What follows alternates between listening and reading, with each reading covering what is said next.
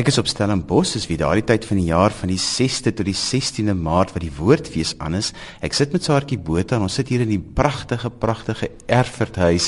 Saartjie, jy's verantwoordelik vir die toneel en vir die teateraanbiedings. Julle eerste naweek is nou al verby, maar wat lê voor vir die res van die week? Ek is baie opgewonde oor ons program en ons het regtig 'n sterk program wat oor die hele fees strek. Baie keer dan konsentreer mense goed oor naweke, maar ons het hierdie jaar regtig dit kon regkry om dit so te skeduleer dat wanneer ook jy ook al na die Woordfees toe kom, al kom jy net vir 2 dae gaan jy goeie produksies kan sien. Woensdag aand open kan hy kom huis toe by by Spier die amfitheater en ek is baie trots op die produksie, die produksie wat uit Bloemfontein kom met June van Merwe en Brendan Daniels in die hoofrolle. Môre aand open Katinka Heinz met Tango by Oude Libertas Amfitheater met Marius Weyers, Kobus Rousseau, Toby Cronje en Dinerie van Wyk loods in die rolverdeling. Ons het vir Elise Skywood en Wilson Dunster met die Hoese Wiese wat nou weer wat by Hoërskool Stellenbosch speel. Ons het die feeskatte Elsabie Daniel, Johnny Combrink en Susan Beyers. Um, en dis is nou maar net die meer kommersiële produksies dan het ons ook van die kleiner eksperimentele werk wat regdeur die fees te sien is. Waterpas, Wessel Pretoria se nuwe stuk wat by die Vismersaal speel. Stamland met die Borslap se stuk wat ook by die Vismer te sien is en dan uh, van die jonger mense se werk wat in die Klein Libertas teater te sien is daar aan Natkat Albert Pretorius daar's regtig opwindende jong talente en, en almal bring iets om om na te kyk. Sakie, jy doen dit al vir julle paar jaar wat jy die program saamstel. Ek wil baie graag weet die filosofie agter die keuses wat jy maak. Stellenbosch en die Woordfees het 'n baie diverse gemeenskap wat ons dien. Ons het van weet top akademici en ons het landbougemeenskap, ons het 'n groot jeugkomponent wat op Stellenbosch is, die studente, hier's goeie skole op die dorp. En dan het ons 'n sterk Afrikaanse komponent uit die aard van die demografie van die streek. Ons bedien Stellenbosch, ons bedien Somerset Wesparel, die Kaapse metropool en dan ook baie plattelandse Weskaapse feesgangers wat kom en dan ook nasionaal. Ek probeer altyd kyk as dit nou een dag op sigself is, is daar iets vir 'n ouma tot 'n kleuter en dan probeer ek sorg dat ons dit ook so skeduleer dat mense soveel as moontlik stukke kan sien. Mense is hier en op 'n manier is verblyf is duur, petrolgeld is duur, kos is duur. Dis eintlik die heel goedkoopste om by 'n fees na 'n vertoning te kyk.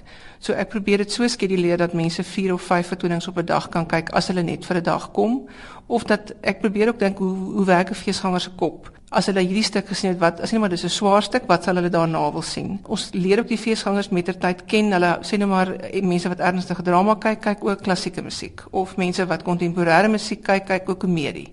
So mense probeer maar dink soos die feesgangers dink en jy moet die program skeduleer rondom hulle behoeftes want as die feesgangers nie kaartjies koop nie is daar nie 'n rede om die fees te hou nie. Vroeër jare het die feeste baie sterk rol gespeel rondom teaterontwikkeling is dit nog so Ek dink verseker so. Ek dink die feeste het 'n enorme bydrae gelewer tot die ontwikkeling van die Suid-Afrikaanse en spesifiek die Afrikaanse teaterbedryf. En ek dink elke fees het 'n plig um, om iets by te dra tot die groter bedryf. Dit die feeste kan nie verantwoordelikheid aanvaar vir die totale bedryf nie, maar elkeen het 'n bydrae te lewer. En ek dink op Stellenbosch met 'n groot konsentrasie van jonger mense en studente, moet ons iets aanbied wat mense in teater kry, wat hulle geïnteresseerd kry in teater en wat hulle geniet. So jy moet iets sê wat resoneer met 'n jonger gehoor. Dis ook vir my belangrik om vir jong teaterpraktisyns geleenthede en platforms te skep waar hulle hulle werk kan wys vir mense. En hulle moet hulle werk wys vir hulle jaargenote en vir hulle geslag, maar hulle moet ook hulle werk wys vir ander teatergangers en ek voel dit is een van die woordfees se pligte is om vir jong mense geleenthede te gee om tot die hoofstroom van teater toe te tree. Ons weet dat baie keer is teatergangers van ons ouer garde. Wat is die aptyd van 'n jong teaterkyker? Ek moet miskien net kwalifiseer. Die Woordfees is die enigste fees wat van die Afrikaanse feeste wat nie 'n vakansiefees is nie. So mense gaan normaal voort met hulle daaglikse lewe en dan is daar 'n toestroming van mense wat nou spesiaal vir die fees kom. Die fees se dag en aand karakter is nogal verskillend. Die aand is meer vir jonger mense, studente want hulle het in die dag klas of ons hoop hulle is in die klas.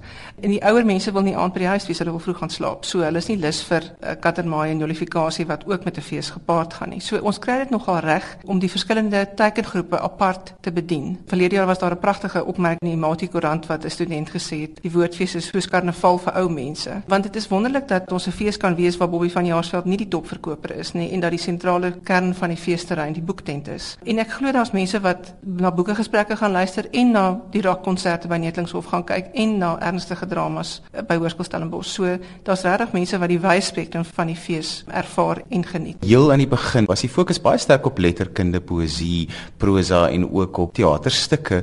Het dit enigstens 'n impak met waar jy nou is ten opsigte van julle keuses van stukke vir die fees? Ek probeer wanneer ons keer, dis nie ek wat alleen keer nie, ons het 'n hele paneel. Probeer ons stukke keer wat literêre meriete het. Ons probeer 'n fokus plaas op 'n skrywer. Dit is my belangrik dat dat ons in eerste instansie 'n woordfees bly. Ehm um, drama is een van die komponente van die letterkunde. Drama sal altyd figureer by die woordfees, maar die kern van die van die woordfees bly letterkunde. Die hart van die fees is gesetel in die boektent.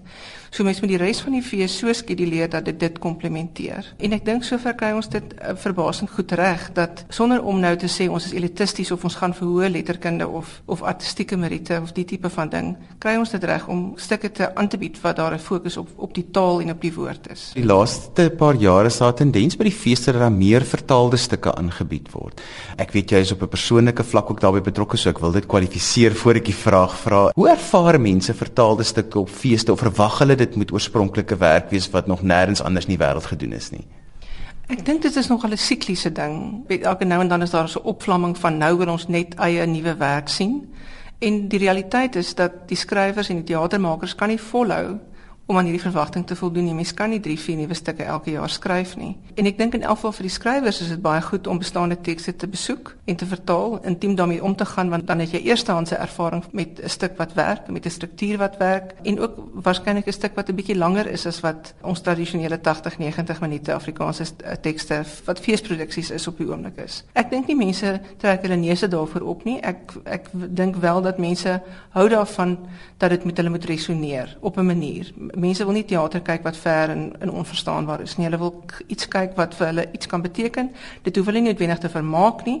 Dit hoef hulle nie aan die hart te gryp nie, maar dit moet hulle op 'n manier roer um, en iets daarvan moet aanklop aan jou hart. En as dit nie gebeur nie, dan kan die stuk maar uit Suid-Afrika kom of uit Suid-Amerika of uit Europa as dit nie daar is nie, dan gaan die produksie nie sy volle impak hê wat hy behoort te hê nie. By die woordfees is die uitdag so klein bietjie anders as by van die ander feeste. Ek dink nou byvoorbeeld aan KAK&K wat betref die venues.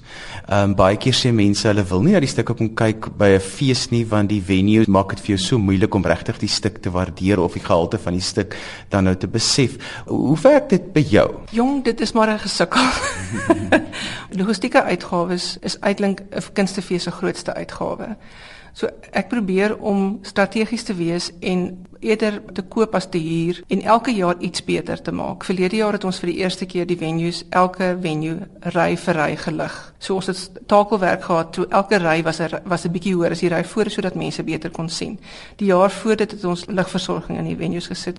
Ons koop vanjaar 'n bietjie ligte aan. So hopelik gaan ons oor 20 jaar die gewone skoolsaal in so 'n mate opgegradeer het dat dit 'n beter teaterervaring um, waarborg.